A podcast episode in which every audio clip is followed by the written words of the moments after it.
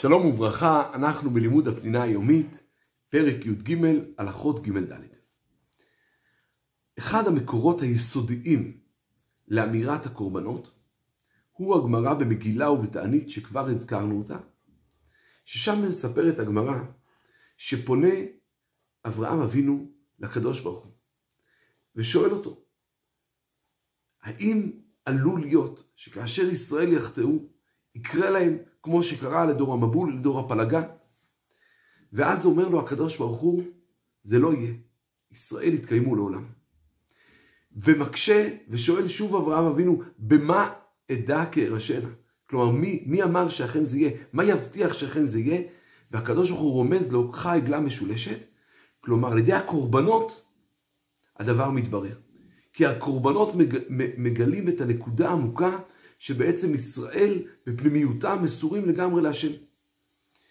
ואז מקשה אברהם אבינו ושואל את הקדוש ברוך הוא, אבל, אבל מה יהיה בזמן שלא יהיה קורבנות? מה יבטיח את זה אז?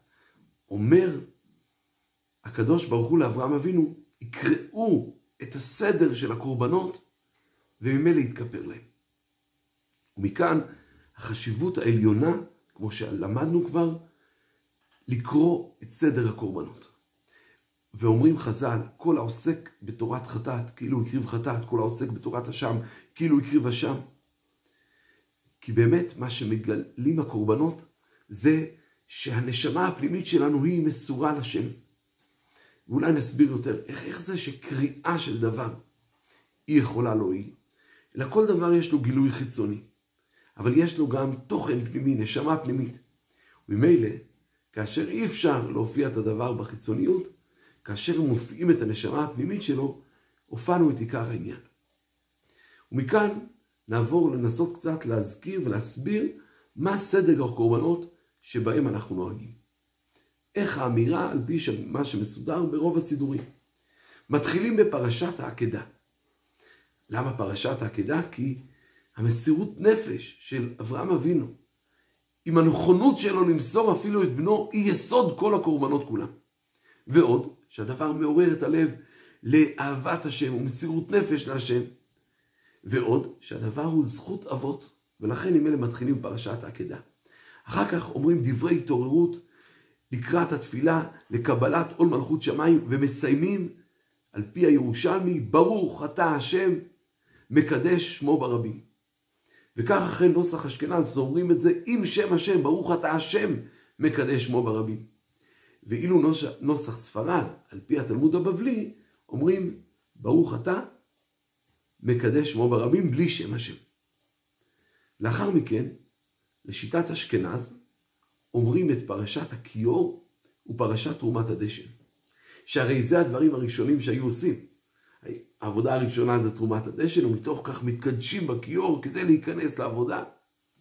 ואחר כך למנהג כולם אומרים את פרשת התמיד, ומתפללים שיעלה לנו אמירת התמיד כאילו הקרבנו אותו, ואחרי זה את פרשת הקטורת, גם את הפסוקים וגם דברי חז"ל על הקטורת, ואחר כך אומרים פסוקים לסגולה, ואז אומרים אביי אב המסדר סדר המערכה, שזה מסדר את כל עבודת המקדש, איך היה הסדר של הדברים, ומתוך כך אומרים אנא בכוח, ותפילה שיהיה שיח שפתותינו כאילו הקרבנו. צריך להגיד את פרשיות הקורבנות רק אחרי עמוד השחר, כי הרי גם בבית המקדש זה נעשה רק אחרי עמוד השחר. יש אומרים שלכן גם צריך להגיד בעמידה, כי הכהנים הרי היו עובדים בעמידה. אבל דעת רוב הפוסקים לא צריך להגיד בעמידה, וכך נוהגים כל הספרדים. לאחר מכן אומרים את זהו מקומם של זבחים, שם זה מבאר איפה היו זובחים, כלומר שוחטים את הקורבנות, ואיפה היו זורקים את הדם של כל הקורבנות. ובזה יש ביטוי, כאילו האמירה שלנו היא כאילו עשינו, כמו שאמרנו, כל העוסק בתורת אשם, בתורת חטאת, כאילו, כאילו הקריב.